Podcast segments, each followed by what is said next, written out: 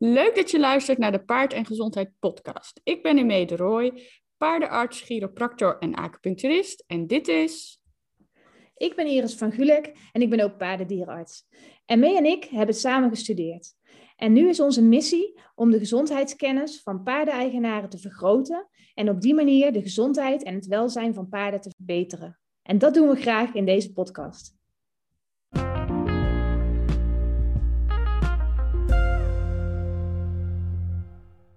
Nou, vandaag uh, heeft Emme ons in de steek gelaten. Want uh, die zei, uh, ik ben heel druk met paarden doen en zo. En ik moet van allerlei, allerlei gekkigheid doen. Kun jij niet even de podcast opnemen? Maar we hadden een superleuke gast. Dus gelukkig ben ik niet helemaal alleen vandaag. Maar Dionne is de gast. Want we hadden echt hele leuke reacties gekregen op podcast nummer 51. En daar hadden we Lotte te gast. En Lotte vertelde over haar paard met astma en hoe ze die behandeld heeft. En hoe het uh, daarmee gaat eigenlijk. Dus uh, superleuk om ook een keer van een eigenaar iets te horen dan uh, alleen natuurlijk de hele tijd en mee en mij te horen praten.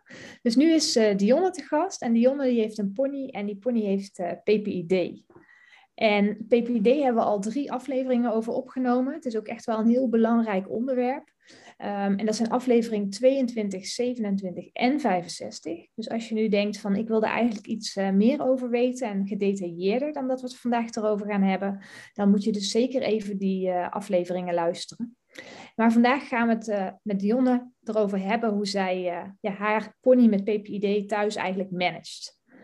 En ja, PPID, PPID is natuurlijk al superveel over verteld ook door ons. Maar als je het nog niet gehoord hebt, PPD is een aandoening waarbij een gedeelte van de hypofyse, en dat zit in de hersenen, ontregeld is. En dat zorgt ervoor dat de aanmaak en afgifte van hormonen uh, beïnvloed wordt. En dat levert weer verschillende ziekteverschijnselen op. En dat zien we vooral bij uh, oudere paarden, ouder dan 15 in ieder geval. En je kunt qua ziekteverschijnselen denken aan ja, verminderde weerstand, uh, minder spieren op vooral de rug, meer een hangbuik. Ze hebben ook uh, soms, als ze het echt al heel erg hebben, een, uh, een krulvacht. Echt ja, krullen krijgen ze dan. Vet boven de ogen. een van de ernstige verschijnselen is ook dat ze hoevervangen kunnen worden.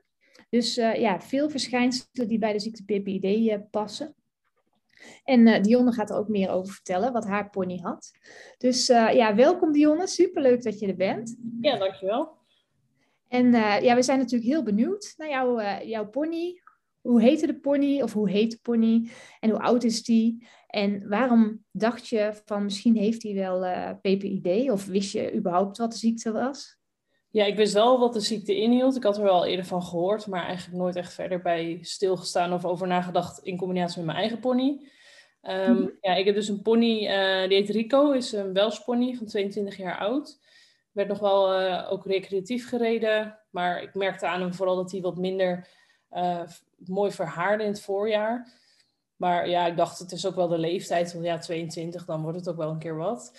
Ja. ja, was ook wel wat, een tijdje al wat minder blij en enthousiast, bokte wat minder op de wei. ja, ook daarmee, ik dacht, ja, het hoort ook wel een beetje bij de leeftijd. Het wordt vanzelf wat rustiger natuurlijk als je ouder wordt. Um, ja, ik merkte ook wel dat hij een beetje een uh, hangbuik kreeg. En juist wat minder bespiering, terwijl er qua voer echt helemaal niks veranderd was.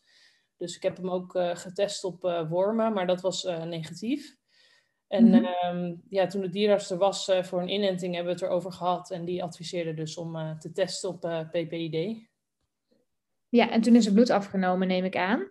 Ja. Ja, want bij het testen van PPID dan nemen we altijd bloed af. En dan meten we de hoogte van het ACTH in het bloed. En dat ACTH is bij paarden met PPID hoger dan bij paarden die geen PPID hebben. Um, en dan zijn er ook nog, ja, soms komt er uit van hij heeft het echt, of soms komt er een twijfelgeval uit. En als het dan een twijfelgeval is, dan kunnen we ook nog een andere test doen. En dat noemen we de TRA-stimulatietest. En dan uh, spuiten we een bepaald hormoon in. En dan gaan we daarna ook kijken naar de reactie daarop. Weet jij misschien nog wat de ACTH-waarde van jouw pony was? Um, nee, ik weet geen exacte waarde meer, maar ik weet wel dat ik heel erg schrok, want het was echt vele malen hoger dan de referentiewaarde, zei de dierenarts. En dat had ik eigenlijk niet echt verwacht. Want ja, ik dacht eigenlijk dat de verschijnselen van mijn pony gewoon ja, door ouderdom kwamen en niet door PPID. Ja, kan ik me voorstellen. En dan zie ik ook echt bij heel veel klanten dat ze echt zeggen van, ja, nee, ja, ik, merk er eigenlijk niks aan. Ja, hij wordt ouder en ja, hij krijgt een beetje een hangbuik en hij wordt wat slomer. Maar ja, dat past bij de leeftijd, want hij is inderdaad ook al boven de twintig. Dus um, ja, wat dat betreft ben je wel een, uh, een typische klant. Ja. zoals, uh, zoals iedereen eigenlijk. Wat ook heel logisch is natuurlijk, want je kijkt altijd uh, op een andere manier naar je eigen dier dan dat een dierenarts dat doet.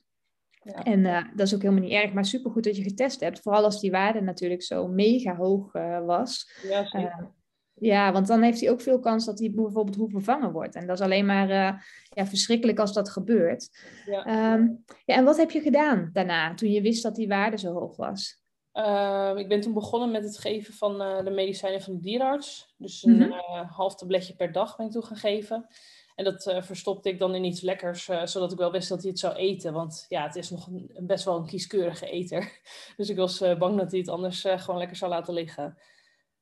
Ja, heel slim inderdaad. want het is maar een klein, een klein tabletje. Maar er zijn, ze zijn zo slim. Ze weten precies dat ene tabletje zo uit te spugen. Als je ja. dat door het gewone eten uh, mengt. Dus je moet ook altijd inderdaad zorgen dat je ook echt ziet dat het erin gaat. Ik adviseer mijn klanten ook wel om bijvoorbeeld in een stukje appel te stoppen, dat je ook gewoon ziet dat hij het uh, opeet. En uh, ja, je moet gewoon zorgen dat het erin komt, want het is zonde als hij die medicijnen allemaal onder de voerbak heeft uh, liggen. Ja, precies. En je hebt vast ook iets afgesproken na de hand met je dierenarts um, om te controleren of om in de gaten te houden. Wat moest je doen? Uh, ja, zeker. Ja, ik um, ja, moest hem natuurlijk in de gaten houden hoe die reageerde. En uh, we hebben ook sowieso afgesproken om dan uh, na een week of zes nog een keer bloed te nemen en te beoordelen hoe het ging. Ja, en merkte je toen al wat? eerst niet zo heel erg veel eigenlijk, maar na een aantal weken, ja, toen merkte ik wel dat hij echt wel een stukje fitter werd. Ook weer enthousiaster en rennen en bokken in de wei, wat ik dus al een tijdje eigenlijk niet had gezien.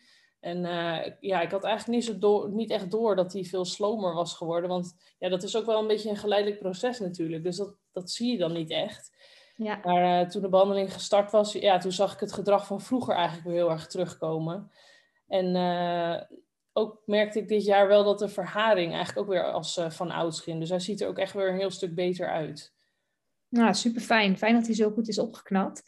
En ik had uh, laatst nog iemand hier en die zei ook van, uh, dat was ook trouwens een, uh, volgens mij was ook een Welsje, maar die zei ook, ik heb weer een hele andere pony. En wat ook wel eens gebeurt, en dat is dan een beetje vervelend natuurlijk, je hebt van die oude ponies zijn ook wel eens, natuurlijk, of al wel eens, zijn heel vaak kinderponies. Ja. En die zijn dan super braaf en sloom bij die, bij die kinderen. Dat is de allerbraafste pony die er bestaat. En dan gaan we hem behandelen en dan wordt hij hartstikke, hartstikke fel. Dan gaat hij bokken door de baan.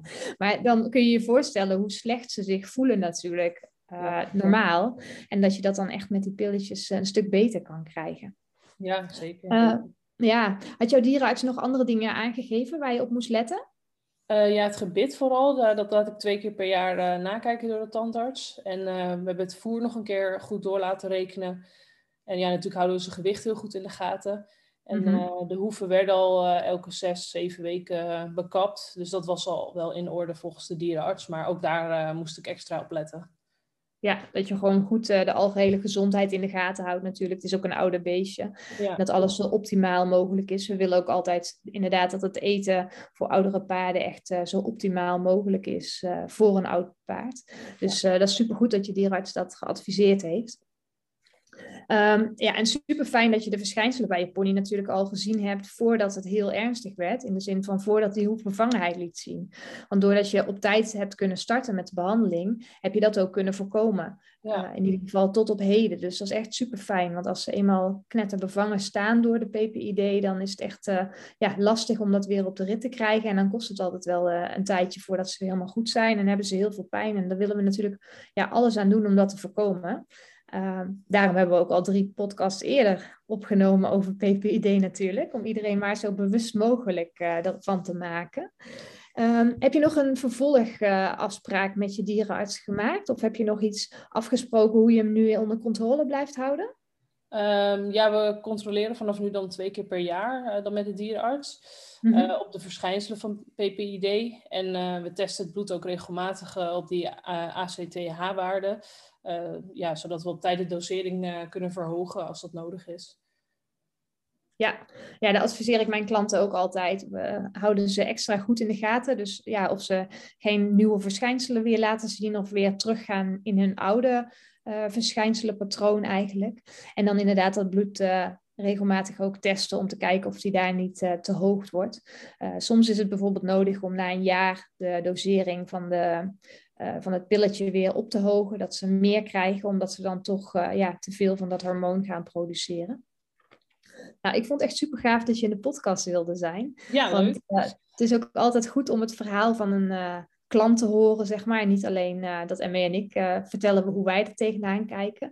Want dan ja, kunnen mensen zich waarschijnlijk meer met jou uh, levelen, zeg maar. Dus ja. kunnen ze ook kijken van, oh ja, ik heb eigenlijk ook zo'n paard of een pony waarvan ik zie dat hij wat slomer is dan dat hij altijd geweest is. en kunnen we op die manier ervoor zorgen dat die paardjes op tijd behandeld worden. Is er misschien nog iets dat je wil zeggen tegen de luisteraars? nou ja, vooral check je oude paard heel goed op de verschijnselen van PPID. En uh, overleg bij twijfel uh, met je dierenarts. Want ja, mijn pony had het achteraf al veel langer verschijnselen dan ik zelf door had. Dus ja, laat het vanaf een bepaalde leeftijd gewoon echt testen, zodat je het voor kan zijn. Ja, super belangrijk inderdaad. En uh, ja, het is zo'n belangrijk onderwerp dat ik het echt super tof zou vinden als mensen deze podcast weer willen delen op hun, uh, op hun socials, in hun stories, als ze hem geluisterd hebben. We horen ook heel graag wat iedereen ervan uh, van vindt. Um, want dan uh, ja, kunnen we alleen maar meer mensen bereiken natuurlijk. Nou, Dionne, super bedankt dat je erbij was en dat je je verhaal met ons wilde delen. Ja, bedankt dat ik erbij mocht zijn. Nou, doe je hè? Doeg!